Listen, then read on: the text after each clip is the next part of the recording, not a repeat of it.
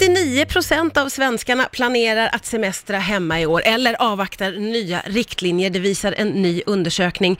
Med på telefon finns Maria Ros Jernberg från Svenska Turistföreningen.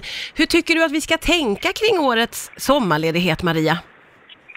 Jag tänker att vi ska skapa semesterminnen, sommarminnen. Det kommer att bli annorlunda i sommar för många men det finns fortfarande jättestora möjligheter även med de rekommendationer som finns just precis nu. Ja, vad kan det vara för möjligheter? Ja, man får hålla sig lite mer i sitt hem, närområde, eller? Ja, just nu så får vi ju resa upp till två timmar med bil. Fortsatt med försiktighet och stort ansvarstagande. Mm. Eh, och man kan säga det finns ganska mycket att göra inom en två timmars radie. Så jag tänker att det är snarare tid att upptäcka det där som vi kanske lite grann tar för givet eller inte ens har sett att vi har nära omkring oss. Mm.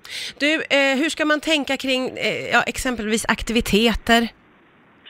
Jag tror ju att många fler kommer ju satsa på aktiviteter utomhus ja. och det ser vi ju. Det är ju jättemånga som är intresserade av vandring just nu och det kan man ju göra på egen hand med karta och kompass eller en karta i sin mobiltelefon. Det finns ju jättebra lösningar för det. Ja. Att faktiskt ta sig ut på de olika vandringslederna men att kanske då också unna sig en övernattning på ett boende i närheten av leden. Faktiskt äta lite god mat på ett pensionat, på en herrgård och så vidare.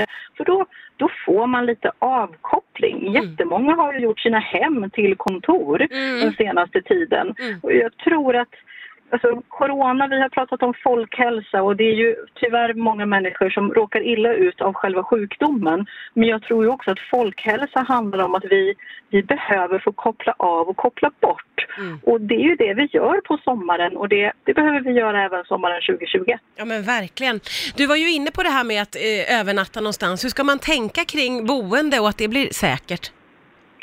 Och det är ju, det, den delen löser de som har boendena. Inom Svenska turistföreningen till exempel så har vi precis uppdaterat på vår webbsida vad varje enskilt boende faktiskt gör för att du som gäst ska känna dig trygg. Ja. Och det handlar om att boendena anpassar sin verksamhet. Det är allt från att frukosten serveras i en frukostpåse eller en picknickkorg, du äter den på rummet eller ute i trädgården.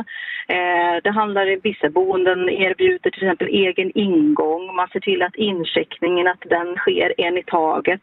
Så i princip alla gör ju jättemycket anpassningar för att kunna ta emot dig så att du ska vara trygg. Mm. Du och alla andra gäster. Ja.